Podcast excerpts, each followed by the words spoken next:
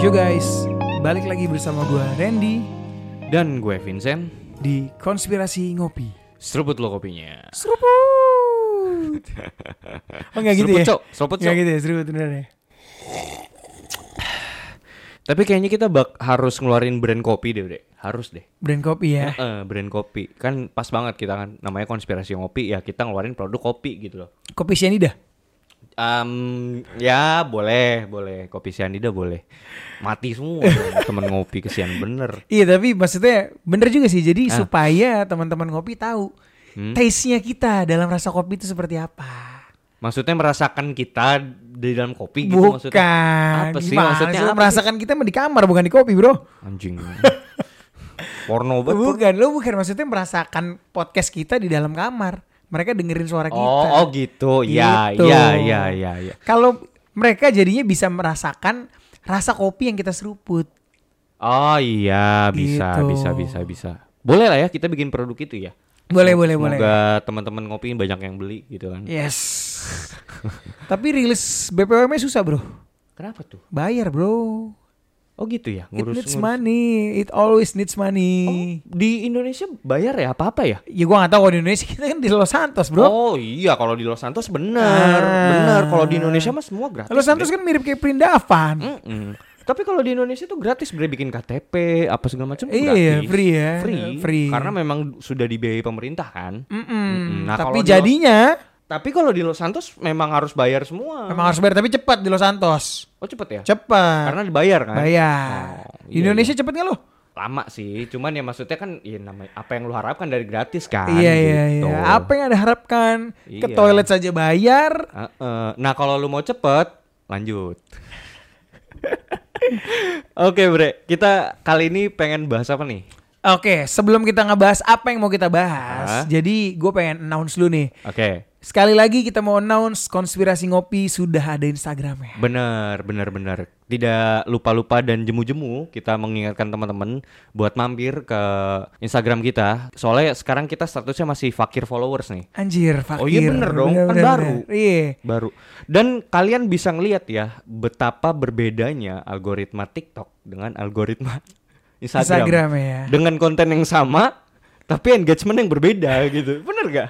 Ya karena memang beda sih. Be- emang beda, beda, beda. Emang emang beda algoritmanya. Kebutuhannya pun beda gitu ya. beda, benar, benar. Gitu. Nah, buat teman-teman yang mau follow konspirasi ngopi bisa di @konspirasi ngopi. Benar, benar. Gitu. Nah, Langsung buat teman-teman yang juga yang mau request episode atau Benar. mau say hello bisa Ya. langsung drop your comment lah. atau bahkan curhat boleh. Curhat boleh. Boleh. Itu pasti kita balas kok. Kita Iya. balas, kita balas gitu. Ini yang DM kita sih jujur udah lumayan banyak ya. Iya. Tapi yang komen nih, kita butuh komen, Iya, butuh kita engagement. butuh komen, jangan DM aja ya kan. Kalau ini apa gitu, di komen aja, nggak apa-apa. Komen aja, misalnya, Bang podcastnya jelek banget sih. Iya Gitu. nggak apa-apa, bilang Nggak aja. apa-apa. Iya, loh kita butuh dihujat juga. Kita butuh dihujat. Heeh, jadi kalau mau di komen head speech itu boleh banget. Boleh ya. Boleh banget dan kita apresiasi kok, tenang Yes. aja gitu loh. Kalau kata Bang Muslim, Aha, negatif komen will be will be forgiven. forgiven. Iya jelas lah. Orang kelakuan yang negatif aja kita maafkan kan, apalagi komen doang ya kan. Benar. Ya, selapang dada itu kita ya. Iya. Iya, Sama Kak. satu lagi nih, Bre. Hmm. Jadi di Spotify ini kita selalu masuk top 200 lah. Iya, iya, iya. Walaupun ini ya sel- saling berganti ya karena ketat Wah, banget tuh. ketat, banget, Bro. banget. Itu juga kita say thanks banget lah untuk teman ngopi gitu yang selalu setia dengerin kita karena Hmm, berkat teman ngopi konspirasi ngopi bisa sampai sejauh ini. Benar, benar. Dan gua sama ini dong, gue pengen ngingetin nih buat teman-teman ngopi ya, yang khususnya juga yang ada di Spotify gitu. Jadi di Spotify itu ada fitur yang namanya rating. Oke. Ada ada fitur yang namanya rating. Nah, minta tolong nih buat teman-teman ngopi ya kan. Maksudnya kan kalau kalian support dengan kita, tunjukin dengan cara rate podcast kita gitu. Setiap episodenya ya. Mm, itu fitur itu ada letaknya tuh di sebelah sebelah judul podcastnya di bawahnya itu ada rating. Nah kalian nge-rate di situ. Terserah mau Iya, iya, iya. rating berapa terserah itu kan hak kalian. Bener. Gitu. Sama ada tombol follow juga kan?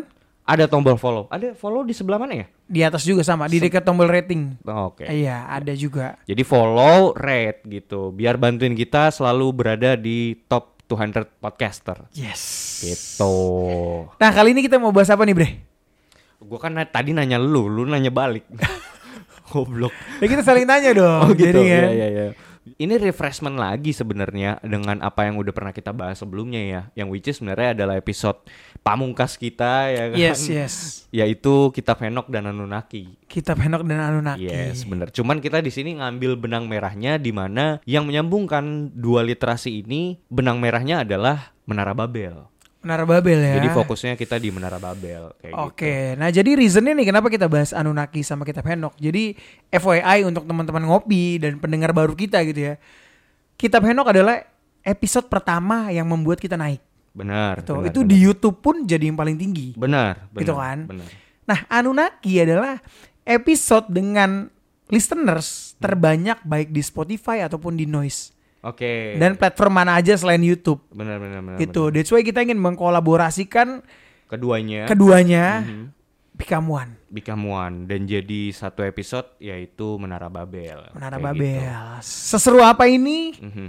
Stay tune because the shit is about to go down. Iya, bodo amat dah gua. Malas gua nggak taunya udah bodo amat dah. Oke, pertanyaan analisa lo. Perkuat dengan Cocok Slogi. slogi.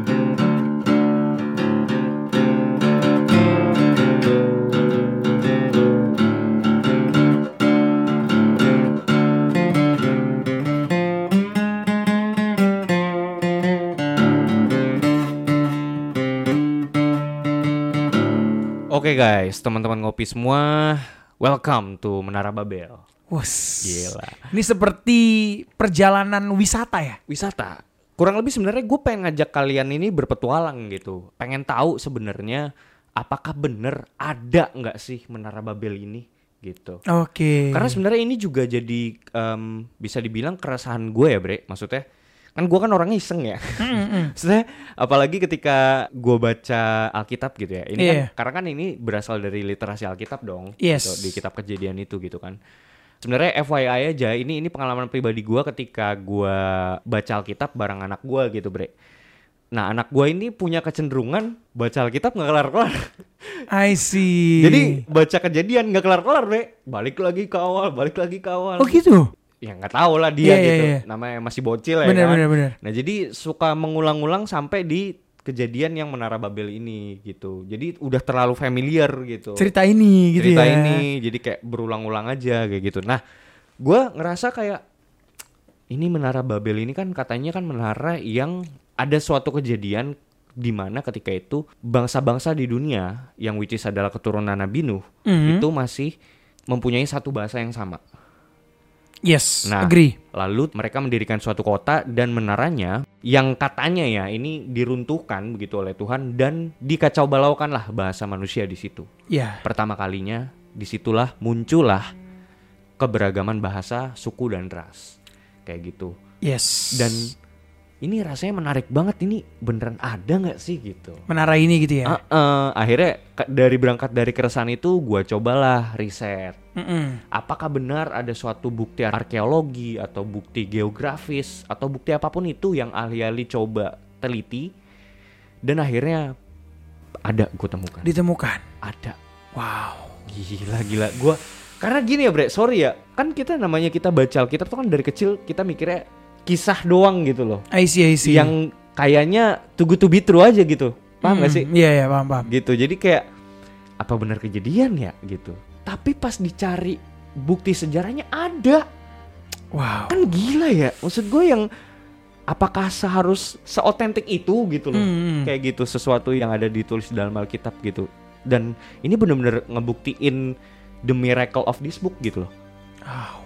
iya kan ketika lu nge-track bukti sejarahnya ada anjir Ada ya. Gila tuh. Dan dan ini gue pengen ngajak kalian teman-teman semua buat ngelakuin petualangan ini sama-sama gue dengan riset kecil-kecilan inilah. Yes, gitu. yes. Sorry, before uh, we continue this podcast gitu. ya. Yes, yes. Kan tadi lo bilang bahwa zaman setelah Nuh itu Yes. sebelum kejadian dikacau balokannya bahasa oleh Tuhan, Mhm, itu bahasanya kan satu. Benar. Nah, kejadian dari setelah banjir bandang itu dari zaman Nuh lah ya. Ya. Ke Menara Babel itu kira-kira berapa tahun tuh atau berapa dekade? Eh, empat generasi sih, Bre. Empat generasi. Empat generasi. Kalau untuk perhitungan tahunnya itu mungkin nanti akan gue detailin di sini karena ada beberapa ahli juga yang mencoba menghitung ya. Oke. Ada. Oke, oke. Kayak gitu. Cuman untuk eh kulitnya ya memang empat generasi setelah Nuh. I see. Berarti kalau kakek cicit ya, cicit ya. Ci- sebutannya apa sih cicit ya? Kalau Iya, empat iya. generasi itu Iya cicit. cicitnya. Cicit cicit cicit gitu lah. It- itu, Cicit cicit gitu. ti- itu tikus ini, tikus Los Santos. Oh iya. Iya. Oh suaranya begitu ya? Bukan suaranya aku cinta wanita, aku cinta uang, bukan gitu ya? Bisa gitu. Bisa. Biasanya kayak gitu bunyinya. Tikusnya udah tikus-tikus modern soalnya bre. Iya, tikus bentuknya orang gitu Iya. ya. Oh, iya, iya, iya. Mirip. Mirip, mirip, mirip orang. Oke. Nah, jadi sebenarnya kita ingin berfokus di Menara Babelnya gitu. Nah, kalau menurut lu sendiri, Bre, lu ada kesan dan insight apa nggak terkait Menara Babel ini sendiri? Menurut lu tuh ketika lu baca literasi Menara Babel tuh yang ada di kepala lu tuh apa gitu loh, Bre? Oke. Untuk lu pribadi. Iya, untuk gue pribadi, gue sebelumnya udah baca itu di Alkitab ya, itu di kitab Mm-mm, kejadian ya. mm-mm, mm-mm. Di situ gue melihat keangkuhan manusia sih. Oke. Gue melihat keangkuhan manusia yang begitu angkuhnya, begitu tingginya dan mereka merasa bisa menyaingi Tuhan. That's why Mhm, mereka membangun menara itu. Ya. Itu mungkin yang pertama ya. Yang Mhm. kedua adalah gue juga lihat bahwa pada saat zaman itu itu mulai terulang lagi tuh hal yang terjadi seperti kejadian Nuh, di mana manusia itu udah mendua, mentigakan, memempatkan Tuhannya lah. Dan Oke, oke. the reason they build menara ini gitu Mm, ya, mm. salah satunya untuk menunjukkan bahwa mereka kuat dan mungkin saja untuk menghindari banjir bandang itu. Iya. Kalau itu terjadi lagi. Iya, iya. Seolah-olah tuh kayak ini supaya tidak terjadi lagi, mereka mendirikan inilah intinya gitulah ya. Iya, dan Tuhan kan juga ngomong kan di kejadian itu Tuhan bilang, Padahal sebenarnya Tuhan udah janji loh, kenuh. iya tapi kan kenuh. Iya. Iya. Kan ini bangsa-bangsa ini sebenarnya ini FYI buat teman-teman, ini bangsa-bangsa yang tidak mengenal Tuhan ya. Jadi mereka mungkin merasa kayak mungkin tahu atau gimana tapi kayak ngerasa ah masa sih gitu. Mungkin ntar juga turun lagi bah air bah gitu kan. Iya, at the end imannya tuh terkikis terus. Iya. Jadi semakin mudah hidup lo, semakin lo diberkati, justru banyak orang yang menjauh dari Allahnya Mhm. gitu. Dan bangsa ini sih udah kelihatan sudah menjauh dari Allahnya gitu ya. Bahkan bre, gue bisa bilang ya, bukan menjauh dari Allah lagi. Mungkin untuk generasi atasnya ya, itu masih masih kenal gitu dengan dengan Hmm. Tuhan Yahweh ya yang yang ada di dalam Alkitab itu ya. Tapi kalau generasi bawahnya tuh udah sama sekali nggak punya pengetahuan itu, Udah hilang arah ya. udah hilang arah karena memang di dalam literasi sejarah pun ini adalah bangsa-bangsa peradaban Mesir dan peradaban Mesopotamia. Itu kan sama sekali jauh kan dari tradisi Yahudi kan. Yes. Mereka nggak kenal kan yang namanya Tuhan Elohim Yahweh itu mereka nggak tahu. Iya, bahkan ada ras Nephilim juga kan. Itu dia. Berarti sudah terjadi lagi Iya. persetubuhan antara the fallen angels Benar. and human being. Benar. Nah makanya di, di sini gue bisa mengatakan bahwa kejadian Menara Babel itu adalah yang menyambungkan literasi kitab Henokh dan legenda mitologi Mesopotamia Hmm, Oke, oke. atau Anunnaki itu kayak gitu. Ini menarik banget sih menariknya, menarik banget. Dan oh ya FYI dulu buat teman-teman ya. Jadi sebenarnya ini episode ini sebenarnya gue udah pernah bawain bre di podcast gue. Gue boleh promo nggak sih? boleh, boleh, Boleh boleh. promo gua boleh ya? lah. Jadi gue bikin podcast, nama podcastnya yang gue sendiri ya podcast gue itu Things Theory namanya. Sebenarnya itu Wih, adalah fix teori namanya nih. Things Theory namanya. Ngeri, ngeri. Sebenarnya itu project iseng aja, bre. Eh. Project iseng terus itu salah satu episode pertama, kedua dan ketiga itu gue secara khusus ngebahas ini. kayak Tiga gitu. tiga. Tiga Sampai tiganya. jadi tiga episode loh. Tiga episode gue bahas ini. Gila gila. Gitu makanya. Nah ini sebenarnya lebih ke rangkumannya sih yang Eh. yang kita bahas sekarang kayak gitu. Lebih kepada kita nggak nggak ada materi lain ya. Nggak nggak bercanda. Tapi intinya ya buat teman-teman support lah. Gue Yes. apa namanya Things Theory tuh subscriber baru 20 bre. 20. Baru Itu 20. baru mulai tapi kan. makanya makanya tolong lah teman-teman ya datanglah ke Ayo cepet subscribe, subscribe. Ah, gitu. Itu di Spotify. Semua di Spotify ada. Di Spotify sama juga Noise ya? Iya kayak gitu. nggak apa-apa. Eh, Teman ngopi jangan follow. follow, follow lah, Iya, follow lah. iya.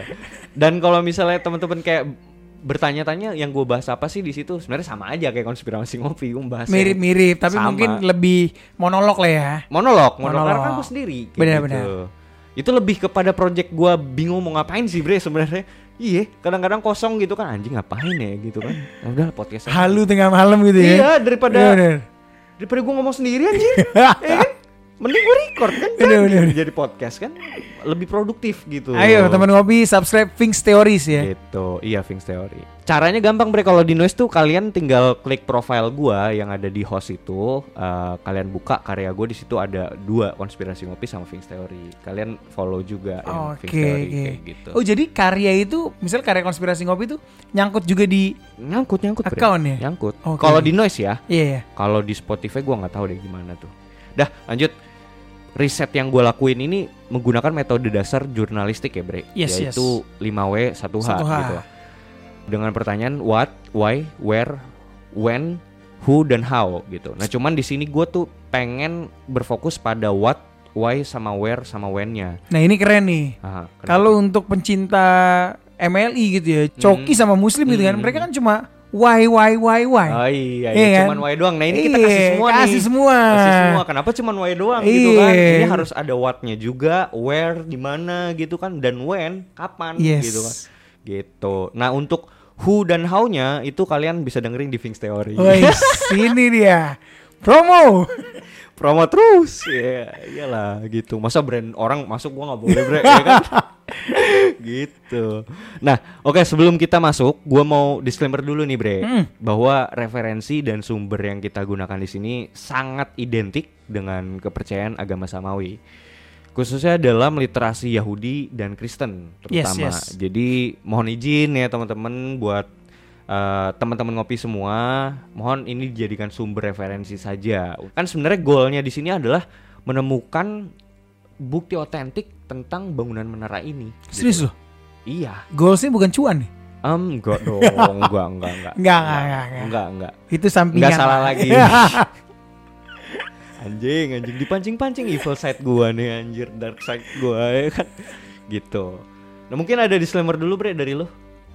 Dari gue sih ini pastinya bakal seru banget sih Hmm. Iya, iya, gitu iya. loh. Iya. Karena kan memang tadi kita ngomongin terkait sejarah dari menara Babel ini sendiri kan, yang di mana di situ ada banyak ras gitu loh. Jadi yang tadinya rasnya itu cuma ras Satu. manusia aja, tiba-tiba ada Nephilim juga dan Oh, sebagainya iya, gitu benar, loh. Berarti benar. kan di situ bahwa manusia-manusia ini bebal. Bebal, bebal sekali. Sangat bebal. Seperti Kayak itu, gitu. Bre.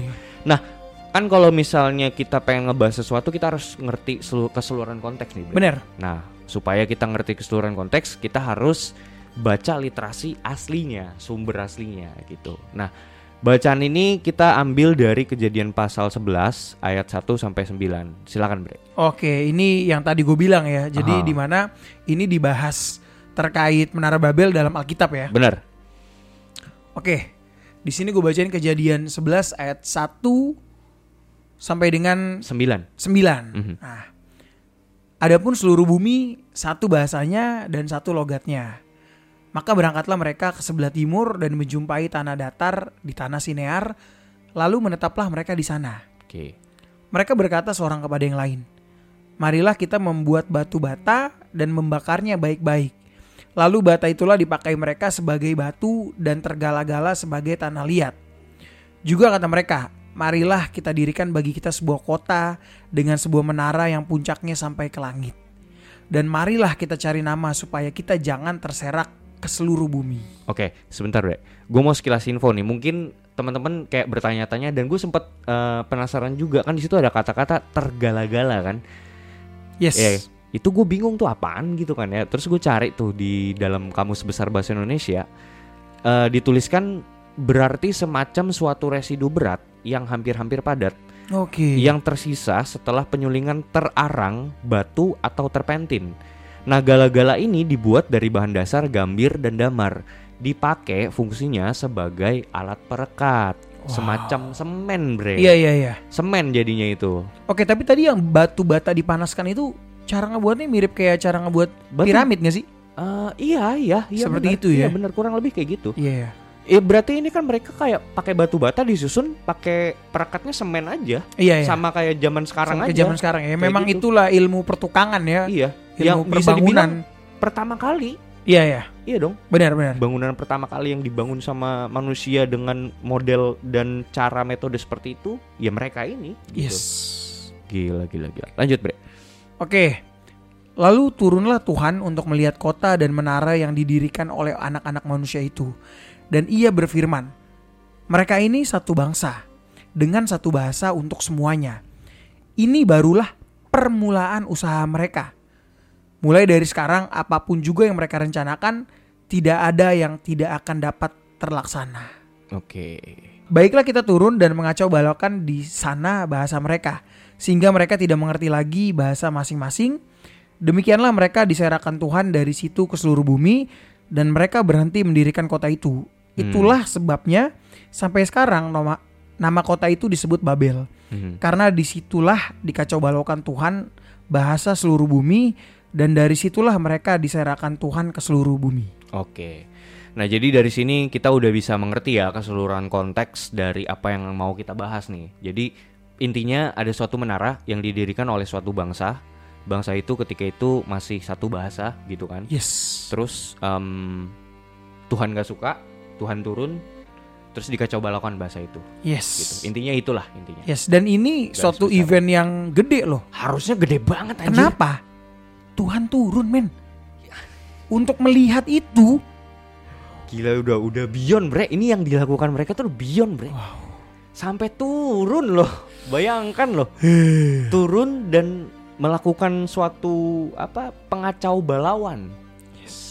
Bahasa dan apa ya eh, Tuhan tuh ngerasa yang kayak Tuhan kan berkata juga di situ kan bahwa semenjak hari ini tidak akan ada lagi yang mereka tuh tidak akan tercapai gitu intinya. Ya nggak sih? exactly, benar. kurang lebih kayak gitu makanya yuk kita a- kacau balaukan bahasanya supaya mereka nih nggak ngerti bahasa satu sama lain Ya, sehingga pembangunan kota itu tuh tidak terjadi, tidak, selesai. terjadi tidak selesai nah dan dari sini pun ini suatu event bisa dibilang yang tadinya orang berbahasa yang satu ketika itu bahasa yang satu kita nggak tahu lah ya eh, apakah kumpulan masyarakat waktu itu cuman di situ aja atau Benar. atau di- ada di tanah lain tapi yang jelas dikatakan situ bahasanya cuma satu tapi gara-gara kejadian inilah jadi terpecah jadi banyak bahasa Iya. dan mulai terserak mereka ke seluruh bumi dan jadi banyak bangsa. Benar. Jadi bisa dibilang ini adalah cikal bakal suatu ras, golongan, kebudayaan, kultur masyarakat itu semua tuh berawal dari sini. Yes.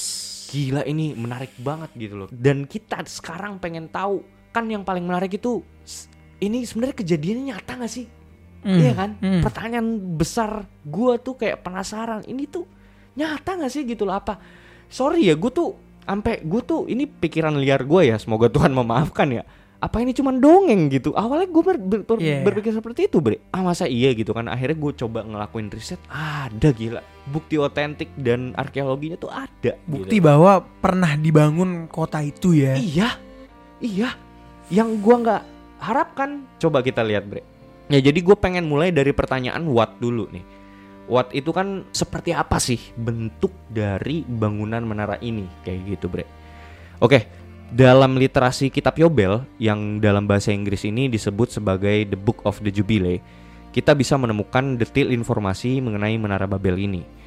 Tepatnya di dalam kitab Yobel pasal 10 ayat 18 sampai 25. Oh ya, sebelum dibaca nama Randy, gue pengen disclaimer dulu. Untuk kitab Yobel ini sebenarnya adalah teks literatur keagamaan rabbinik Yahudi kuno yang termasuk di dalam Midrash Tanakh Yahudi dan dipandang secara sah dan kanonik oleh gereja Kristen Ortodoks Ethiopia, namun tidak demikian oleh mayoritas gereja Ortodoks Timur, yaitu gereja Katolik Roma dan Protestan, yang menganggap kitab ini termasuk ke dalam golongan teks pseudepigrafa kayak gitu. Jadi ini teks yang diragukan lah bagi Iya, iya, iya. kaum kita ya I kayak see. gitu. Cuman kalau untuk yang orang-orang yang Kristen Ethiopia itu dianggap kanon sama orang-orang Yahudi juga. Oke, gitu. ini penulisnya Musa berarti ya? Musa kitab Yobel ini kayak I gitu. see, I see. Nah, ini diambil dari kitab Yobel pasal 10 ayat 18 sampai 25. Oke, uh, ini dalam kitab Yobel ayat 10 18 sampai 27 gitu ya. Hmm. Dan dalam Yobel ke-33 pada tahun pertama dalam minggu kedua, Pelek mengambil bagi dirinya sendiri seorang istri yang bernama Lomna, anak peremu- anak perempuan Sinaar, dan dia melahirkan baginya seorang anak laki-laki dalam tahun keempat dari minggu ini. Dan dia menyebut namanya Reu.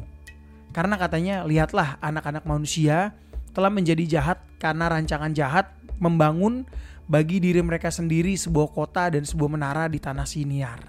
Karena mereka telah pergi dari tanah Araat di timur ke Sinar, karena dalam hari-harinya mereka membangun kota dan menara. Katanya, pergilah, marilah kita naik dengan jalan itu ke surga. Dan mereka mulai membangun. Dan dalam minggu keempat, mereka membuat batu bata dengan api dan batu bata itu dipakai mereka sebagai batu dan perekat yang mereka gunakan untuk menyatukan bersama-sama adalah aspal yang berasal dari laut dan yang keluar dari mata air di tanah Sinar. Dan mereka membangunnya 43 tahun. Mereka membangunnya lebarnya 203 batu bata dan tinggi adalah sepertiga tingginya berjumlah 5433 hasta dan dua jengkal dan 13 stadila dan Yahweh Elohim kami berfirman kepada kami lihatlah mereka ini satu bangsa dan beginilah mereka mulai bertindak. Dan sekarang tidak ada yang akan ditahan dari mereka. Pergilah marilah kita turun dan mengacaukan bahasa mereka supaya mereka tidak dapat mengerti perkataan satu dengan yang lainnya dan mereka dapat terserak ke kota-kota dan bangsa-bangsa dan satu tujuan tidak akan lagi ada dalam mereka sampai hari penghakiman. Dan Yahweh turun dan kami turun bersamanya untuk melihat kota dan menara yang telah anak-anak manusia dirikan. Dan dia mengacaukan bahasa mereka dan mereka tidak lagi mengerti perkataan satu dengan yang lainnya dan mereka berhenti membangun kota dan menara. Karena hal ini seluruh tanah Sinar disebut Babel karena Yahweh di sana mengacaukan seluruh bahasa anak-anak manusia. Dan sejak saat itu, mereka terserak ke kota mereka masing-masing, menurut bahasanya dan bangsanya. Dan Yahweh mengirim angin dahsyat terhadap menara itu dan merobohkannya ke bumi. Dan lihatlah, itu ada di antara Asyur dan Babel di tanah Sinar, dan mereka menyebut namanya kacau balau. Dalam minggu keempat dalam tahun pertama, pada permulaannya dalam Yobel ke-34 mereka terserak dari tanah Shinar. Wow, wow. Jadi ini bisa dibilang bre, uh, literasi kitab Yobel ini yang which is ini dianggap kanonik sama orang-orang Yahudi. Ini adalah versi lengkap dari kitab yang kejadian tadi. Kejadian tadi ya. Literasi ini menjelaskan itu. secara detail lah. Detail banget anjir. Prosesnya seperti apa gitu kan. Dan gilanya lagi, dituliskan tadi sampai ukurannya dituliskan. Yes, benar. Gila. Dikatakan tuh di situ ya 5433 dalam satuan hasta.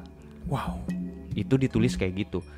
Yang setara bre. Jadi ini gue convert tuh. Hmm. jadi gue cari tahu 5433 hasta. Satu hastanya itu berapa sih gitu kan? Berapa meter sih gitu ya? Ah, gitu. Akhirnya gue cari tahu yang pada akhirnya menghasilkan angka setara dengan 8149 kaki. Wow. atau 2484 meter. Wow. Nah gini. Sebagai perbandingannya ya bangunan atau gedung tertinggi di dunia, di dunia saat ini adalah Burj Khalifa yes. yang Menara Khalifa itu yang ada di Dubai sekarang tuh ya memiliki ketinggian 828 meter. Wow. Lu lu, lu kalian tuh berapa itu? Bisa? Jauh jauh banget berarti perbandingannya ya. Berapa kali tuh? Berarti hampir tiga kali lipatnya, Bre. Dari Burj Khalifa tuh iya ya. kan? 8 kali 3 kan 2400-an meter kan. Yes, benar-benar. Jadi masuk akal ketika dibilang menaranya tingginya sampai ke langit gitu. Which is bukan literally sampai ke langit beneran gitu. Maksudnya mm -hmm. orang ketika itu bilangnya tingginya sampai ke langit gitu loh. Nah, lalu untuk lebarnya sendiri dikatakan tadi 203 batu bata. Jika dengan perkiraan panjang ukuran satu bata adalah 20 cm, berarti kurang lebih bangunan ini memiliki lebar sekitar 40,6 meter. Ini lebar lebar te gua nih ini agak ambigu ya. Ini lebar temboknya doang hmm. atau seluruh bangunan? Karena kalau cuma 40,6 meter kecil sih, kecil, kecil banget. Kecil banget gitu loh. Ya, nggak tahu lah ya. Tapi pembangunan struktur ini dikatakan juga memakan waktu selama 43 tahun. Anjir, lama banget itu ya. 43 tahun cepat sih harusnya 43 tahun dan sebelum akhirnya pembangun pembangunannya terhenti dan ditinggalkan oleh rakyat kota tersebut gitu. Nah jadi di dalam literasi ini paling tidak kita bisa menemukan lah um, ukuran dari menara ini gitu. Nah jadi kita pengen tahu nih sekarang sebenarnya bentuk dari menara Babel ini yang sebenarnya. Nah dalam kitab kejadian pasal 11 kan juga dikonfirmasi juga dalam kitab Yobel kejadian pembangunan struktur ini berada di tanah Sumer. atau yang dikenal dalam bahasa Ibrani sebagai tanah Shinar atau Sinear. Yes. Jadi gini bre, eh, orang Yahudi ketika itu manggil tanah Sumeria itu bahasanya Shinar. Hmm. Jadi Shinar itu adalah bahasa Yahudi, bahasa orang Yahudi untuk manggil Sumeria. Oh, I see. Gitu. Itu bahasa Yahudinya bahasa ya. Yahudi. Jadi mereka dengan lafalan mereka Shinear yang padahal sebenarnya itu adalah tanah Sumer gitu loh. Ya. Nah, kenapa tanah Sumer? Karena dari peradaban Mesopotamia sendiri itu memang peradaban yang paling tua itu memang adalah Sumeria yang which is Bener. pernah kita udah bahas di eh, episode Anunnaki. Nah, dalam kebudayaan peradaban Sumeria kuno sendiri ada suatu eh, kebiasaan orang-orang Sumeria kuno pada saat itu. Jadi suatu infrastruktur kota itu, tata letak sebuah kota itu pasti melingkari suatu struktur besar yang dikenal dengan sebutan zigurat. Yes. Jadi ada suatu menara nih di tengah-tengah sebuah kota, kayak jantung kotanya gitu. Lalu di sekelilingnya ada bangunan-bangunan kota lah gitu. Nah, sebagai titik sentral dari tata letak suatu kota itu disebut menara zigurat gitu. Nah, zigurat sendiri adalah sebutan untuk suatu struktur kuno berukuran masif dengan dimensi trapesium yang memiliki platform tinggi dengan model punden berundak yang sengaja didirikan untuk menjadi struktur paling tinggi di pusat jantung kota Sumeria kuno.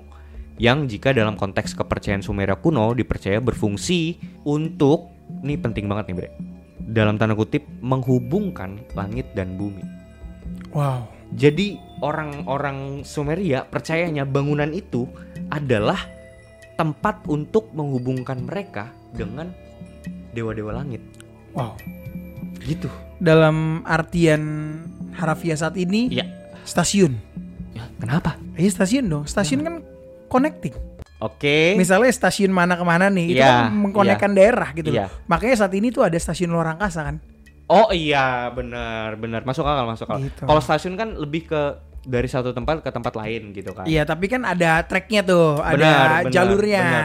Nah, ini dia jalurnya lewati Menara itu kan. menara. Nah, di menara itu, menara itu sendiri, zigurat itu sendiri terdiri dari platform yang tinggi dan di bawahnya itu ada anak tangga. Yes, yes. Kayak gitu. Jadi yang menghubungkan itu anak tangga itu berarti. Anak tangga ya. Gitu. Tangganya tangga manual tuh berarti itu sampai gempor. Manual. Bener, Pak. Bener. Sampai gempor gitu ya. Gempor dong. Kan tinggi kan? Iya. Gitu. Kalau misalnya tadi beneran 2400 meter lu bayangin aja naik, ta- naik tangga ke atas gitu. Belum ada lift lagi itu kan. Kayak gitu. Nah coba Bre, ada salah satu teori dari ahli nih yang namanya Gwendolyn Lake nih yang mengungkapkan dan mengafirmasi bahwa dikatakan uh, zigurat ini menghubungkan langit dan bumi. Silakan Bre. Oke, dari Gwendolyn Lake ya. Gwendolyn Lake ini seorang sejarawan dan ahli budaya Mesopotamia dan dia memberikan statement di dalam bukunya yang berjudul The Babylonian An Introduction mengatakan bahwa dalam keyakinan masyarakat Sumeria dan Mesopotamia kuno, pembangunan ziggurats memang diintensikan fungsinya untuk menjadi semacam pintu gerbang dan platform atau semacam tempat sakral bagi para dewa-dewi yang turun mengunjungi bumi dari langit surga atau kayangan. Hmm. Nah, lanjut menurut John H. Welton, seorang profesor yang berspesialisasi di bidang ilmu peradaban Timur Tengah kuno dan ahli perjanjian lama juga mengatakan di dalam buku yang berjudul Ancient Near Eastern Thought and Old Testament bahwa bagi masyarakat Sumeria kuno sendiri, zigurat secara spesial memang didirikan untuk fungsi khusus tertentu yaitu connecting the heavens and the earth through the stairs in the ziggurats yang berarti menghubungkan langit dan bumi melalui tapak-tapak tangga yang ada di zigurat. Nah, ini mengingatkan kita nih Hmm. Lagunya Led Zeppelin yang Stairway to Heaven Ini literally ya. yang katanya kalau liriknya dibalik ada arti lain, Iya, yang katanya memuja Lucifer atau setan. memuja Lucifer. ya. Tapi bener ya maksudnya itu lagu itu kan literally dibilang Stairway to Heaven kan? yes. Nah, ini literally bangunan itu pak. Wow. Eh, kayak gitu.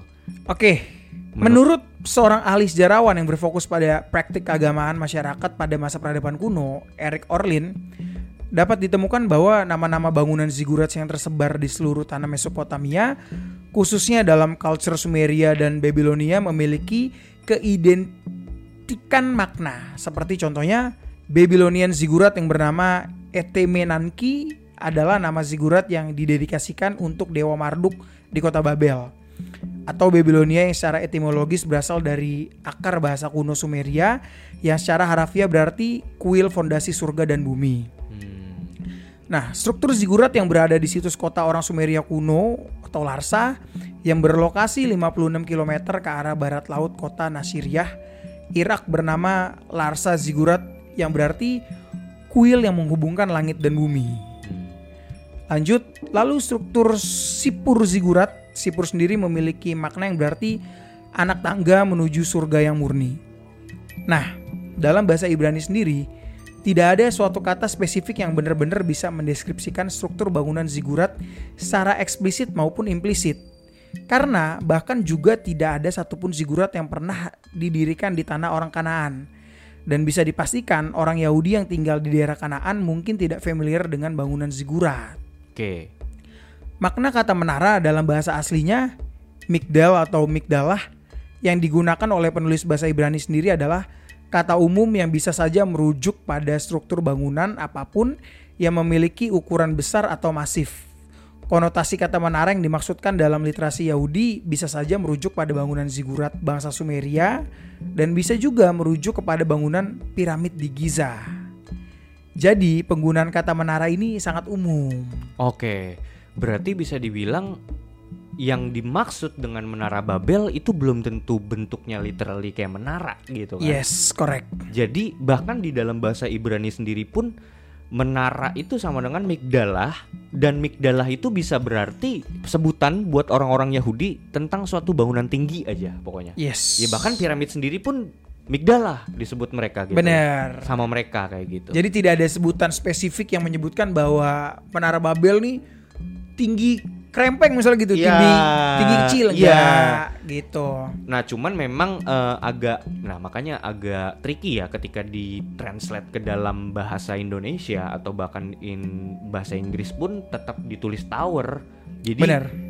Konsep berpikir kerangka kita yang kita mikir oh tower, tower ya berarti menara yang seperti itu gitu ya. Padahal belum tentu gitu. Belum tentu, Gitu. bener bisa jadi modelnya seperti piring terbang UFO tapi tinggi bener, bisa bener, jadi. bener. Karena kan menurut orang-orang Ibrani ya kalau migdala itu ya sesuatu yang tinggi aja Sesuatu pokoknya. yang tinggi ya. kayak gitu dan kalau tadi menurut para ahli kan berarti kita juga bisa menemukan bahwa benar ternyata zigurat yang ada di eh, bangsa Sumeria itu atau bangsa Babel itu adalah suatu bangunan yang menghubungkan langit dan bumi karena banyak ditemukan zigurat-zigurat yang tersebar di tanah Mesopotamia itu nama-namanya itu identik banget bre semuanya tuh kayak eh, menghubungkan langit dan bumi langit dan bumi Iya, iya, iya. pada dasarnya itu aja kayak gitu Kayak Pemahamannya sama lah ya gitu. semua ya. pemahamannya sama gitu dan jadi gue bisa katakan hipotesis yang paling mendekati mengenai bentuk bangunan ini jika dilihat dari latar belakang budaya setempat di Sumeria dan Babilonia ini adalah bangunan dengan struktur zigurat karena nggak ada lagi yang bisa menggantikan bangunan itu I see. karena sesuai dengan di yang dikatakan di dalam tanah Sinear itu yang berarti tanah Sumeria, lalu menara yang paling tinggi di situ ya zigurat ini sendiri gitu. So, jadi menurut gua menara Babel atau the Tower of Babel yang dimaksud di dalam Bible bisa juga berarti zigurat of Babel. yes, correct. Gitu.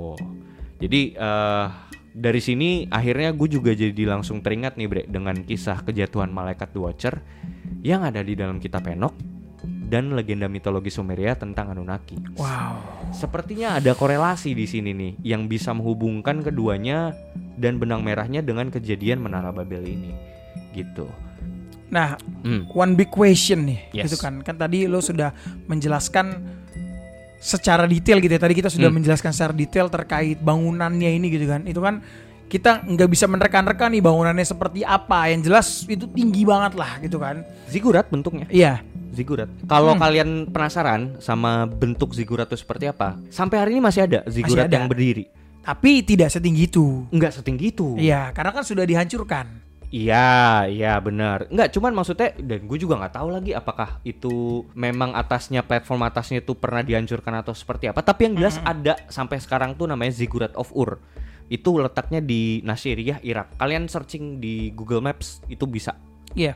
Kalau gue sih percaya itu mungkin tidak pernah selesai atau mungkin sudah dihancurkan gitu ya. Karena saat ini tingginya tuh tidak mencapai tinggi spesifik yang dituliskan gitu kan. Benar, bahkan kan dikonfirmasi sendiri sama kitab Yobel. Yes, Gitu. itu dihancurkan kan, diruntuhkan. oleh angin, oleh Tuhan. Iya ya. Gitu. Nah, ini menurut lu gitu ya atau menurut para ahli lah. Mhm. Why? Why? Why why why why? Lu mau melontarkan why, kenapa gitu ya? Maksudnya kenapa Menara Babel ini didirikan gitu kan? Hmm. Sebenarnya kalau mau kita ngambil konteks kenapa didirikan, itu sebenarnya udah udah jelas, udah udah bisa dijawab di dalam literasi Alkitab itu, Bre. Kitab Kejadian kan ditulis, "Marilah kita dirikan menara ini supaya kita tidak terserak ke seluruh bumi." Intinya itu. Jadi I see, I see. bangsa ini yang bersatu, yang punya satu bahasa, mereka percaya dengan power mereka, bis- mereka bisa melakukan apa pun. Dan mereka mau berkumpul di situ ya. Iya.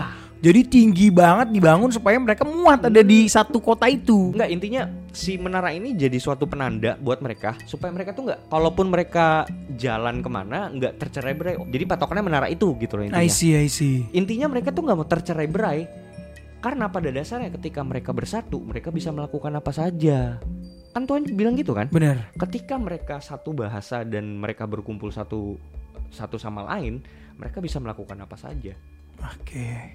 bahkan menyaingi sang maha kuasa itu sendiri. I see. Gitu. Sebenarnya kalau mau dibilang mereka tuh bisa menguasai, enggak, sebenarnya nggak bisa juga. Cuman maksudnya ada rasa kesombongan itu loh yang bikin Bener, bener, bener. kayak stop lu sampai di situ, udah mulai nggak jelas gitu loh. Ya nggak sih? Yes, correct, correct. kayak yang ini udah pada bebal nih gitu loh maksudnya ya kan akhirnya dibuat kacau ya bahasanya supaya mereka tuh kapok gitu loh Kapok bahasanya lah. Gitu nah jadi memang kita udah tahu menara ini pada akhirnya untuk mengumpulkan bangsa-bangsa gitu loh intinya kan nah tapi entah kenapa menurut gue di sini kayak ada fungsi lain bre dari menara Babel ini didirikan Oke. kayak gitu. Yang bisa tadi kita sambungkan dengan uh, pendapat para ahli dikatakan bahwa fungsi dari menara Babel atau Ziggurat of Babel itu adalah untuk menyambungkan langit dan bumi. Itu fungsinya sebenarnya. Itu ya. Itu fungsinya. Jadi supaya mereka bisa berkomunikasi dengan Itu dia. Itu bisa menyambungkan korelasi dengan literasi kitab Henok. yeah. Di mana di kitab Henok kita, kita udah pernah bahas bahwa ketika itu the Watchers, malaikat-malaikat jatuh itu berkomunikasi dengan penduduk bumi kan.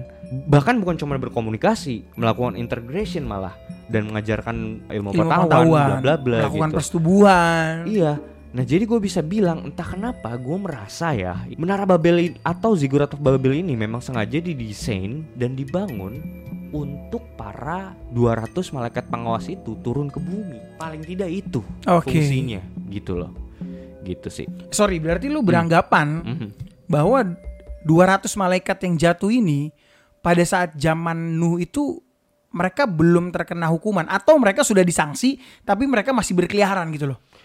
Keturunan yang masih berkeliaran Keturunannya. Which is Nephilim Oke. Tapi I see. kalau untuk malaikatnya yang jumlahnya 200 malaikat itu tapi gue rasa kayaknya udah terhakimi lah ya. Mereka kan dikurung kan kan dikatakan di dalam Dudael kan di suatu Yes. padang dikurung 200 malaikat itu akhirnya mereka tidak bisa berkeliaran. Yang bisa berkeliaran sebenarnya keturunannya si Nephilim itu gitu loh. Nah, bangsa ini yang secara spesifik bangsa orang-orang Sumer atau orang-orang Babel ini merasa mereka ingin mengulangi kejadian itu. Entah malaikat mana lagi yang turun di situ gitu loh. See, Mereka mengharap-harapkan lagi dan ingin melakukan interaksi lagi, Bre. Hmm. Kayak mengulang kejadian yang udah pernah dilakuin sama nenek moyangnya. Yes, correct. kayak ya kalau mau dibilang nggak belajar bebal ya memang ini, memang tingkah lakunya Sebebal ini itu ya. sebebal ini maksud gua kan kalau dari empat generasi setelah nu ya apakah nggak baca literasi ten- atau pernah denger omongan dari kakek buyutnya pernah terjadi banjir bandang apa Benar. Tapi mungkin itu bisa jadi mereka mendirikan bangunan itu untuk Preparation. preparation ya Iya, supaya oke lah Tuhan mau ngancurin kita lagi. Hmm, hmm, hmm. Kita udah kuat gitu loh. kita udah kuat Gitu. oh iya itu sebebal itu bre ya at the end ya bahkan manusia-manusia zaman sekarang gitu ya ya kalau lu masih inget gitu ya kalau teman-teman ngopi juga masih inget cerita yang terkait Elon Musk gitu ya kita Hmm. pernah cerita bahwa Elon Musk sendiri bilang we should prepare ourselves gitu loh Hmm. sebelum kita ditemukan oleh ras yang lebih kuat kita Hmm, temukan hmm. mereka dulu karena kalau kita duluan yang nemuin mereka tandanya kita more stronger Iya, iya. gitu. Nah, ya mungkin mereka berpikiran hal yang sama Mereka gitu loh. berpikir yang sama. Tuhan itu sebagai entitas lain dan lebih kuat. Iya. Tapi mereka percaya bahwa mereka bisa menyaingi itu. Bisa mengalahkannya bisa malah. mengalahkan. Wow, wow, wow. Oke, oke. Ini udah di luar ini udah, udah di luar nalar sih. Sebenarnya. Pak. Udah beyond sih ini gitu. Nah, jadi kalau mau dikorelasiin lagi dengan legenda atau literasi mitologi Sumeria dan Mesopotamia, khususnya dengan kisah Anunnaki, itu kan memang digambarkan kedatangan orang langit kalau lo ingat baik. Bener. Kedatangan para dewa-dewi Anunnaki itu yang which is adalah orang langit yang datang turun ke bumi untuk melakukan pencampuran gen Antara Anunnaki Gen Halilintar. iya kan? dengan Ingat Gen kan? Halilintar. Bener kan? Iya. Iya. Terjadilah siapa? Asyap. Asyap. Gitu. Iya. Nah kan ini kan seperti melakukan pencampuran gen nenek moyang manusia which is adalah penduduk bumi dengan gen orang langit. Yes. Jadi ini kan kayak semacam menyambungkan menghubungkan langit dan bumi Iya. gitu. Terjadilah sinetron di RCTI Anak Apa? Langit. Nah, bener. Eh, anak, anak langit itu bahasa Mesopotamia ya Anunnaki. Anunnaki. Ya berarti tuh si yang RCTI itu Anunnaki. Anunnaki semua tuh ya. Anunnaki semua. Loh, Anjir. Tapi ini literally, Bre. Ini Iya. bener-bener bahasa topografikalnya memang Anunnaki itu sama dengan anak langit. Anak Langit. Anak-anak langit. Bahkan Bre, jadi secara harafiah pun kata Anunnaki sendiri dalam bahasa Mesopotamia itu sendiri berarti anak-anak langit dan bumi gitu. Atau secara eksplisitnya anak-anak dari orang langit dan orang bumi. Nah, jadi kalau kalian ingat ya dalam episode kita di Anunnaki dulu yang kita pernah bahas tuh, kan kita pernah ngebahas tujuh entity atau deity atau dewa-dewi utama lah dalam Yes. mitologi Mesopotamia kan. Bener. Nah di situ kan ada dua sosok figur tuh yang paling utama tuh ya ada Dewa An sama, Sama, Dewi Ki Ki. Yes. gitu kan.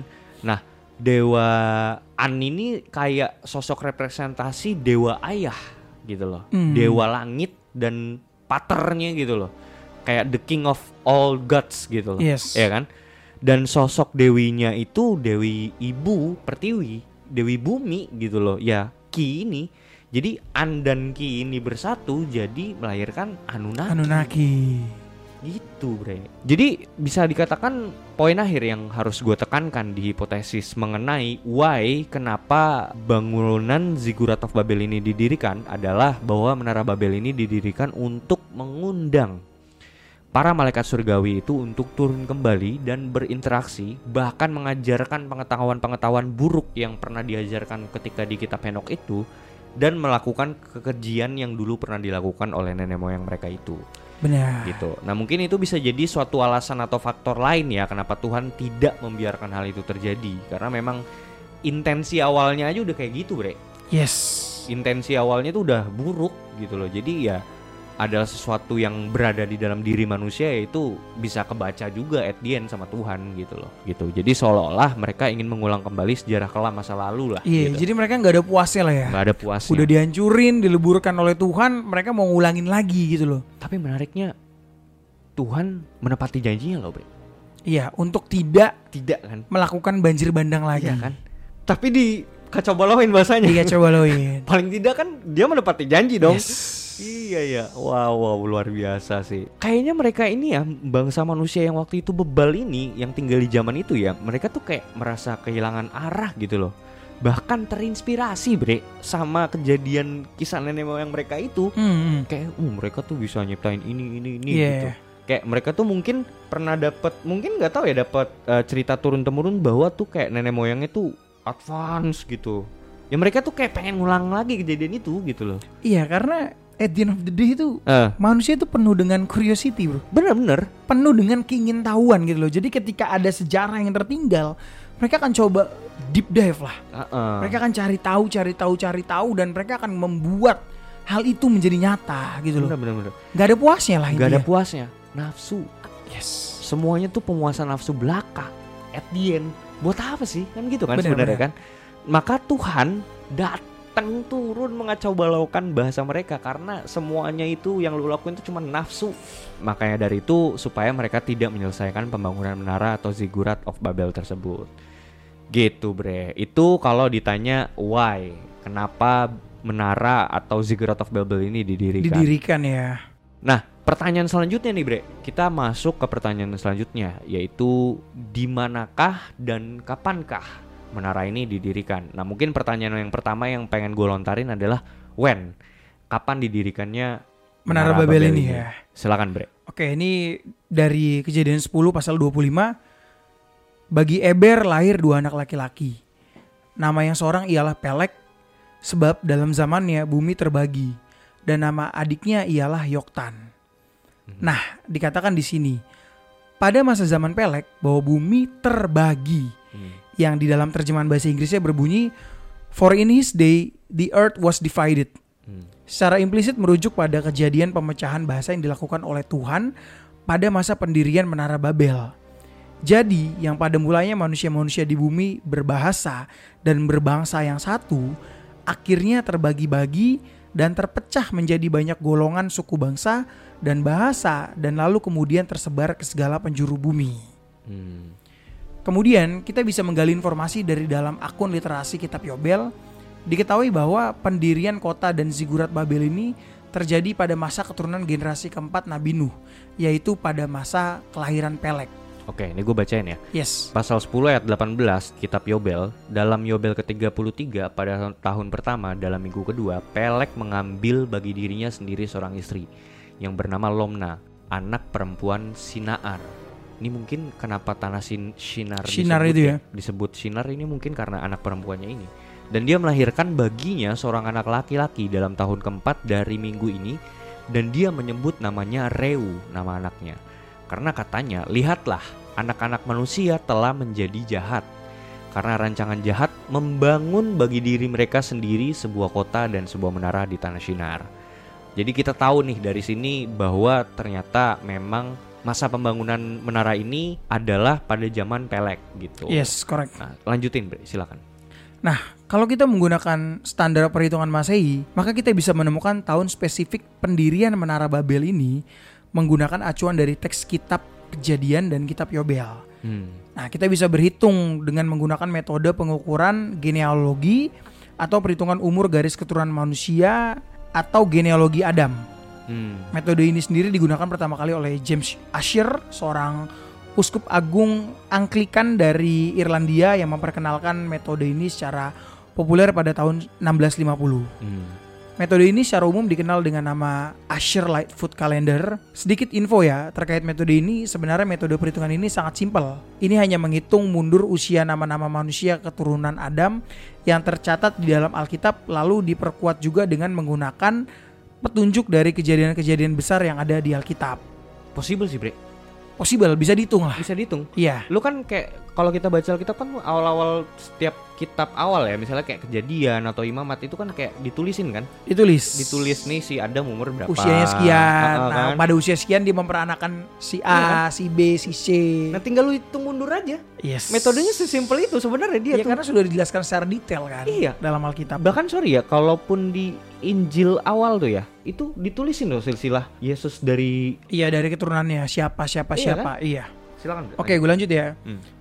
Menurut Asher Lightfoot Calendar bahwa bumi tercipta yaitu pada tahun 4004 sebelum Masehi. Wow. Sedangkan penciptaan Adam itu di 4000 sebelum Masehi. Oke oke. Hipotesis ini juga ikut dikonfirmasi oleh Sir Isaac Newton. Kemudian juga menurut Asher Lightfoot Calendar, jarak antara kejadian, penciptaan, hingga air bah surut itu ialah sekitar 1656 tahun menghasilkan 2348 sebelum masehi itu. Oke oke. Coba gua ngambil kalkulator dulu gue hitung lo. Tadi berapa? Tadi 4000 Penciptaan 4004 sebelum masehi. Oke, 4004. Terus jarak dari penciptaan ke air bah surut itu 1656. berarti dikurangin tuh ya. Yes. Oke, dikurangin. Hasilnya tadi berapa? 2348 sebelum masehi. Oh, oke. 2348 ya. Oke. Yes. Nah, lanjut. Nah, Pelek Mm-mm. atau generasi keempat setelah Nabi Nuh gitu ya. Hmm, Lahir 100 tahun setelah air bah surut. hmm. Berarti kalau maju 100 tahun berarti pendirian menara dan kota Babel ini berada di sekitar 2248 sebelum Masehi. Oh iya benar, maju maju 100 ya. 2348 kurang 100. Bener 2248. Oke. Yes. Nah, angka 2248 ini juga dapat divalidasi dari catatan sejarah milik Alexander the Great. Wow, menarik nih. Itu. Jadi Alexander the Great pernah mencatat tahun kelahirannya Pelek. Oh iya. Yes, yaitu pada masa bangsa Persia masuk dan berhasil merebut dan menguasai sebagian besar wilayah di Mesopotamia dari kekuasaan Babilonia. Hmm. Menurut catatan sejarah, tepat pada tahun 331 sebelum Masehi, Alexander Agung mengalahkan Raja Persia Darius Agung ketiga Hmm. dalam perang Gaukmela dekat Arbela dan berhasil merebut tanah Mesopotamia dari jajahan Persia. Oke. Lalu setelah itu, Kaisar Agung Alexander melakukan perjalanan menuju ke Babilonia. Hmm. Dalam catatannya, ketika saat Sang Alexander Agung tiba di Babilonia, ia disambut meriah oleh penduduk lokal dan ia juga disambut baik oleh orang Kaldea atau orang Kasdim yang adalah para ahli astronomi di Babilonia. Hmm. Ia menerima perhitungan kalender dan pengamatan astronomi dari orang-orang Kasdim yang mengklaim bahwa pengamatan atau perhitungan astronomi tersebut sudah berjalan dan diterapkan oleh bangsa Babilonia sendiri selama 1903 tahun semenjak Pelek dilahirkan. Oke, oke.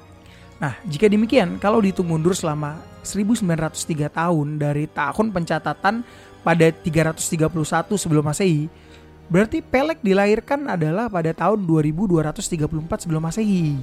Oke, gue catat dulu tuh 2234 ya.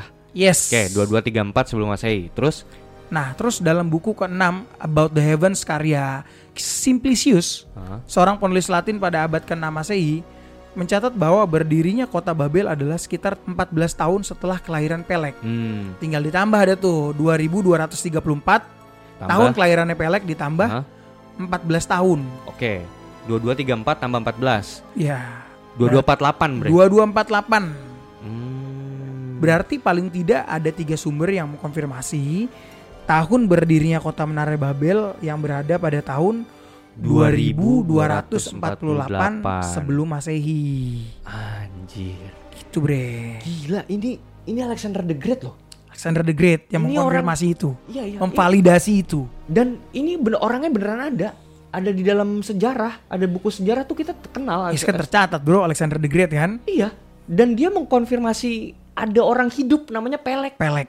Men, men, gila gokil sih. Di saat orang-orang zaman kita mengkonfirmasi bahwa ada orang hidup bernama Pele. Dia mengkonfirmasi ada orang namanya Pelek, Iya, iya, iya. ya kan? Dan Wow. Pelek itu tercatat loh dalam Alkitab. Itu dia maksudnya. Maksudnya yang kayak wow, ini ini adalah suatu bukti arkeologis, bukti otentik, eh, catatan sejarah yang mengkonfirmasi kebenaran literatur yang ada di Yes, dalam correct. Kitab. Gila-gila. Itu itu itu beyond sih, Bre. Semoga ya sesuatu yang bisa bisa menumbuhkan iman kalian gitu, teman-teman, Yes. terutama yang beragama Kristiani ya. Beragama Kristiani ya. atau Yahudi mungkin. Atau Yahudi mungkin mau convert dibaptis dalam nama Allah Bapa, Iya. Anak dan Roh Kudus. Iya, kenapa tidak ya kan? Nggak, tapi pada dasarnya ini benar-benar bisa mengkonfirmasi bahwa apa yang ditulis di dalam uh, Bible atau kitab kejadian atau kitab Yahudi itu sendiri real, Nyata. real. Alexander the Great loh yang mengkonfirmasi. Gitu. Gila, gila, gila, gila. Dan bukan cuma Alexander the Great loh. Iya, ada ada tiga sumber. Iya, ini konspirasi ngopi juga mengkonfirmasi nih, Bro. Siapakah kita? Konspirasi ngopi, Oh, Bro. konspirasi Lu harus ngopi ya? pede dulu dong. siap, siap, Sebelum siap. ada orang lain yang percaya sama konspirasi ngopi, kita harus percaya lebih dahulu, Bro. Oh iya, iya, iya. bisa, Gitu. iya. Percaya diri dulu ya. Percaya diri dulu lah. Oke oke oke oke. Oke Bre, eh, mungkin lanjut ya. Ini kan Lanjut, tadi kita lanjut. berarti kita tadi udah dapet nih angkanya tadi berapa? 2248 ya. yes. Kalau ditanya kapan ya? ditanya kapan? Gila gila gila. Ini sebelum Masehi ya. Berarti 2000 tahun sebelum Masehi yang lalu ini Menara Babel berdiri gitu. Berdiri. Atau si Ziggurat of Babel ini. Nah, mungkin pertanyaan yang menarik selanjutnya kan kayak kita udah tahu nih kapan berdirinya. Nah, pasti pertanyaan selanjutnya adalah di mana? Di mana? di mana gitu. Iya. Sebenarnya kalau ditanya di mana, kita kan udah tahu tuh ya di, tulisannya sendiri di dalam kitab kejadian tuh tulisannya Shinear kan dan udah jelas di tanah Sumeria. Yes. Nah, cuman kemudian pertanyaan yang menarik, apakah sebenarnya ada suatu kota atau situs yang benar-benar ada di zaman modern ini yang menunjukkan letak presisi dari kota Menara Babel ini? Oke. Gua kira nggak bakal ada, Bre. Kalau gua karena memang ini ya apa Hmm, hmm. iman ya iman Hmm, ya hmm, apa I called this faith jadi gue Ya. percaya itu ada Mhm. Ah, as long as lo nggak tanya ini ke Ayu Ting Ting bro Kenapa tuh? lo akan dikasih alamat palsu bre Anjing. lo akan dikasih alamat palsu brother anjing. Iya, kita nanya ditanya balik ya. iya Di mana, Mbak? Di mana? Di- Kenapa jadi iya atau bisa jadi osialnya osialnya? Yankee Brothers Di oh iya Di mana? Iya. Tuh Yankee Brothers keren tuh band band mana sih tuh? keren banget keren ya. lu co- coba lah main Yankee Cek Brothers ya. Yankee Brothers cek di aja Spotify ya masih ada ya. Iya. Gokil, Osialnya. gokil. Osialnya ya. sial dah pokoknya Pokoknya langsung sial kalian ya. Oke. Nah, lanjut pertanyaan menarik dari di mana gitu kan. Jadi secara spesifik yang kayak tadi gua uh, sebutin bahwa sebenarnya udah pernah udah bisa ditemukan di dalam passage kejadian 11 ayat 2 yang tertulis demikian. Maka berangkatlah mereka ke sebelah timur dan menjumpai tanah datar di tanah Sinear, lalu menetaplah mereka di sana. Sebenarnya kalau dari konteks ya, Bre, gue bisa mengasumsikan maka berangkatlah mereka. Mereka ini yang gue asumsikan mereka ini adalah bangsa keturunannya anak-anak dari Nabi Nuh itu, gitu loh. Hmm. Mereka, Yes. gitu. Jadi ini kan kita bisa tahu yang menulis itu adalah kitab kejadian ini kan orang-orang Yahudi lah, bisa Benar. dibilang. Jadi dia mereka tuh nyebut orang-orang itu mereka gitu loh. yes Jadi dari sudut pandang mereka, me- mereka menuliskan maka berangkatlah mereka ke sebelah timur. Jadi dari tanah Kanaan ke sebelah timur. timur Ke arah ini kalau kalian ya, kalian buka Google Maps sekarang dari tanah Kanaan atau tanah Israel itu sendiri, tanah Israel ke sebelah timur, sebelah timurnya itu tuh emang padang pasir ya. Cuman kalau kalian ke arah utara sedikit itu ada negara Irak oke gitu, which is tanah Mesopotamia. Gitu. Nah, kalian kalau misalnya ngelihat lagi di sebelah timurnya lagi yang paling timur itu berpapasan langsung dengan Teluk Persia, Bre. Wow Persian Gulf. Iya, iya, iya, Persian Gulf. Kalian kalau buka Gmap sekarang kalian bisa lihat itu Persian Gulf gitu. Nah, jika kita melihat letak geografis wilayah tanah Sumer ini yang dalam skala besarnya berada di wilayah Irak modern yang sekarang ini, Mhm. wilayah sebelah timurnya tanah Irak sendiri ialah perairan laut yang tadi kita kenal sebagai Teluk Persia atau Persian Gulf. Nah, terus di mana letak korelasi dan hubungan Sumer dengan Babel? Menurut beberapa ahli berpendapat bahwa letak presisi kota dan menara Babel itu berada di kota Eridu. I see. Jadi menurut para ahli Ah, ah. itu kotanya tuh terletak persis sama dengan apa yang disampaikan oleh Sumeria itu yang dinamakan kota Eridu. Kota Eridu. Yang Wow. pernah dibahas juga sama Sicin tuh. Iya, Ke Sicin bilangnya Eridu juga. Eridu si Cin bilang ya. Di Ah, ah. situ mereka memperbudak ras Igigi. Iya, Ya iya. kan? Bahkan dibilang katanya di situ ada Taman Eden ya katanya di dalam Iya, dalam Eridu itu ya. gitu. Nah, hal ini juga bisa ditemukan dalam catatan para ahli literasi sejarah kuno bahwa topografikal atau penulisan kata Babel itu sering kali digantikan atau merujuk pada kata Eridu. Mhm. Jadi Eridu sama dengan Babel Oke. gitu bre misalnya ya Berosus seorang ahli sejarawan dan pendeta Babilonia yang hidup pada masa kekaisaran Alexander Agung dalam karyanya berjudul Babiloniaka tentang sejarah dan asal muasal Babilonia ia sering kali menggunakan kata Babylon atau Babel sebagai kata lain dari Eridu terus lanjut dalam akun teks kuno tentang mitologi penciptaan yang diterjemahkan oleh George A.R. dalam karyanya berjudul Babylonian Topographical Text sangat akurat menjelaskan hal ini. Nah, berikut bunyi salah satu akunnya. Jadi ada teks kuno nih, Bre. Hmm. Tulisannya gini. Pada waktu kota Eridu didirikan, Esagil dibangun. Esagil, kuil yang oleh dewa Ea letakkan di tengah-tengah mata air Apsu yang murni. Begitulah Babylon didirikan. Demikianlah Esagil selesai dibangun. Nah, tadi lu lihat gak di kalimat awal dibilang kota Eridu didirikan. Terus di setelah titik dilanjut di bawahnya ditulis Babylon. Iya, iya. Jadi Eridu dan Babylon ini sama nih. It's the same ya. It's the same gitu. Cuman ini ditemukan di dalam literasi kuno orang Sumeria gitu loh. Nah, kalau melihat dari sisi geografis sendiri, situs kota Eridu tuh bahkan sampai hari ini masih ada, Bre. Situs kota Serius, Eridu. masih ada. Itu berada di bagian wilayah paling timur dekat dengan laut yang dikenal dalam zaman modern ini tepatnya berada di Dikar Province, Irak. Kota Eridu ini sendiri ini menjadi center point kekuasaan dan ibu kota besar kerajaan Sumeria pada masa itulah. Nah ini juga sangat make sense ya bahwa di mana ketika itu kota Eridu adalah kota pelabuhan yang berada paling dekat dengan laut. dan menjadi pusat perekonomian serta pemerintahan Sumeria yang dikala itu adalah kota terbesar gitu, oh kota pertama bahkan. Dan ini juga memperkuat hipotesis para ahli yang gue ungkapkan tadi bahwa orang-orang yang datang dari laut, Iya ya. Orang-orang yang pertama sekali datang dari timur mendirikan kota pertama mereka yang dekat dengan laut, yaitu Eridu sebagai ibu kota dari kerajaan Sumeria Wow. gitu. Nah, maka pinpoint yang bisa dikatakan di sini bahwa Babylon atau Babel yang ada di dalam literasi Alkitab adalah the new Eridu. I see. Dan Eridu dapat dikatakan sebagai ancient version atau versi tua dari Babylon itu sendiri. Gitu, Bre. I see. Jadi gua melihat satu kesinambungan lah ya dari cerita mitologi Sumeria yang terkait Anunnaki dengan cerita Babilonia ini. Yes. Gitu kan.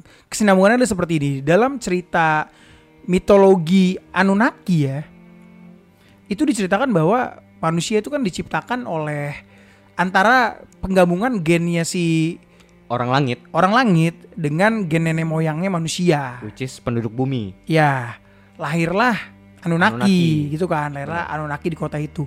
Nah, tapi manusia ini yang diciptakan itu akhirnya mereka bebal juga dibilangnya kan. Mereka Ya, bertambah banyak dan tambah bebal. Akhirnya mereka diusir. Iya, Dari oleh, kota itu. oleh An, Iya, si nah itu. kalau dalam dalam Bible gitu ya, Hmm. dalam Bible sendiri kan di situ Allah memporak-porandakan bahasa Ya. dan mereka dicerai-beraikan loh, Benar. diserakan lah, Diserakan. maksudnya dikeluarin lah dari situ kan, sehingga kota itu tuh tidak jadi dan Sebenarnya bangunannya diruntuhkan. sebenarnya mereka mau nggak mau jadi terserak bre si, Iya, si, iya, si iya, masyarakatnya gitu jadi karena mereka sudah tidak mengerti satu sama lain maka mereka berkelompok aja tuh dengan bahasa yang punya kesamaan Yes. sendiri gitu Korek. Udah gitu kan di situ dikasih musibah juga, angin oh iya dari kitab iya. Yobel tadi kan. benar benar Di situ dikacau balaukan segala macam, that's why orang akan pecah belah tuh, pecah belah akan pecah belah. Cuma mungkin mungkin ya ini asumsi Hmm, aja hmm, hmm.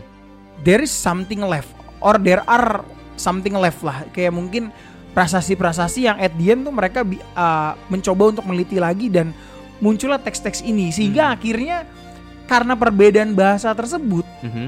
Informasi yang mereka dapatkan pun akhirnya berbeda, berbeda-beda. Penelitian mereka pun berbeda. Benar gitu. benar. jadi ada yang membuat ini seperti tulisan teks Sumeria bahwa dewanya adalah An. Ya ya kalau dalam agama Samawi ini jadi Bible Iya, gitu iya, kan. iya, iya. kalau menurut gue sebenarnya lebih ke perspektif gue bisa bilang. Iya iya perspektif lah. Perspektif dong. Karena kan si si orang-orang Babel ini kan nggak nggak mengenal Yahweh Elohim itu. Yes, udah gitu gini. Kita pernah bahas juga yang terkait di episode Jas Merah. Oh ya? Di Jas Merah aja lu satu bahasa, Bre. Lu satu bahasa, lu meneliti satu case. Oh, tapi iya. lu bisa menghasilkan hasil yang berbeda. Hipotesa yang Iya. berbeda-beda, Gimana begitu. ini lu dengan bahasa yang berbeda-beda, pemahaman berbeda-beda, otomatis yang lo hasilkan akan benar benar. berbeda. Bahkan dari segi kulturnya sendiri aja udah beda banget loh. Beda Maksudnya, Lu mau ngomong Mesopotamia sama Yahudi, padahal sebenarnya jaraknya deket loh ya. Yes, Kalau correct. kalau kita lihat Gmaps tuh deket banget, cuman maksudnya dari pemahaman dari segi agamanya tuh beda banget mereka. Yang mereka percayanya dengan politeisme gitu kan. Mm, mm. Nah, sedangkan kalau di dalam uh, Samawi sendiri kita percaya dengan monoteisme gitu kan. benar. Itu sangat berbeda sih gitu. Ya karena mungkin apa yang mereka alami dengan apa yang kita alami it's different gitu. Tapi sebenarnya Ya, ya, memang ya, ya. balik lagi kitab Henok ini menjadi solusi. Menjadi root dan akar. Iya, dan menurut gue bisa menjadi solusi loh. Ah. Karena di situ bisa dijelaskan asal usul dewa-dewa tersebut, Bre. Iya, Gitu. Iya, iya, iya. Benar, Tetap benar. the greatest of all is God Allah Bapa. Iya, iya, benar benar. Gitu. benar. Dan dan kembali lagi kita ke goal dari podcast ini yaitu mencari keberadaan dari Menara Babel ini dan akhirnya kita menemukan ya. Mm, Dan mm. kita bisa men- menyambungkan ketiga literasi ini Yes, yes. semuanya tuh saling berkesinambungan dan pada akhirnya real ternyata bener Menara Babel itu ada. Ada. Gila, gila, gila. Dan ini bisa membuktikan juga bahwa apa yang ditulis di kitab Henok itu bukan kaleng-kaleng, cok. Yes. Dan ini Bisa dikonfirmasi secara arkeologis loh. asli makanya menurut gue menurut gue ini kitab Henok ini harus segera dibaca sih oleh orang-orang gitu ya oleh orang-orang yang ingin tahu gitu loh ketika lo pengen tahu gue sangat setuju ketika film Anunnaki ini disiarkan oke lah ketika film Anunnaki ini disiarkan mungkin akan ada agama baru atau mungkin akan timbul penyesatan yang luar biasa tapi percayalah dengan iman dan kebenaran lu bisa mendapatkan iman dan kebenaran itu dari kitab Henok itu. Bener. Yang akan menjadi solusi di saat pikiran lu goyah. Bener, bener, oh, bener. ini ternyata sudah tertulis di kitab benar Henok benar benar itu. benar. Iya, makanya sebenarnya apa pun itu informasi yang lu dapatkan, lu harus punya fondasinya dulu tuh. Ketika lu ingin mendapatkan informasi, menelan suatu informasi, paling tidak lu harus punya fondasi iman itu dulu Benar. gitu. Paling tidak Anda juga tidak baper gitu loh. Oh, Karena iya. menurut gua gini, apakah salah ketika orang Nasrani Ah. mempelajari kitab Henok? Banyak orang berpendapat di YouTube kita ya, di YouTube kita ada banyak lah respon positif dan negatif. Ya, ya. Negatifnya tuh kayak Wanda so tahu, Wanda sesat segala macam gitu ya. Hmm. Loh, sekarang bagaimana Anda bisa mengatakan saya sesat Ya. kalau Mhm. Anda tidak tahu iman saya? Iman saya jelas-jelas iman saya mengatakan Jesus is the only way, the truth and the Ya, life. ya. Gue percaya itu. Dan apakah dengan mempelajari kitab Henok gue jadi tidak percaya itu? Enggak. Enggak, Justru itu memperkuat iman gue. benar. Makanya orang tuh selalu ngelihat output tanpa tahu intensi awal dari si yang melakukan riset atau apa pun Yes. itulah gitu.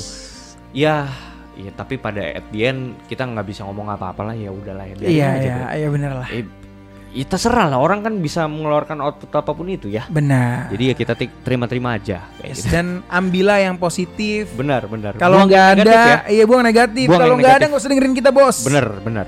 Ta- Tinggal cabut kok. Tinggal gampang. cabut. Simple. Hidup mah simple-simple aja kali gitu kan. Gitu. Oke, ada lagi yang mau lo sampaikan nggak, Bre? Ya pesan gue cuma itulah lebih banyak baca buku aja lah Ah. untuk teman-teman gitu ya. Aha. Lebih banyak baca buku, banyak dengerin podcast kita, mm-hmm. terus follow Instagram kita. Benar, follow Instagram kita itu wajib. Kalau itu hukumnya ya, wajib, ya, itu. wajib ya. Konspirasi ngopi? Serobot lo kopinya.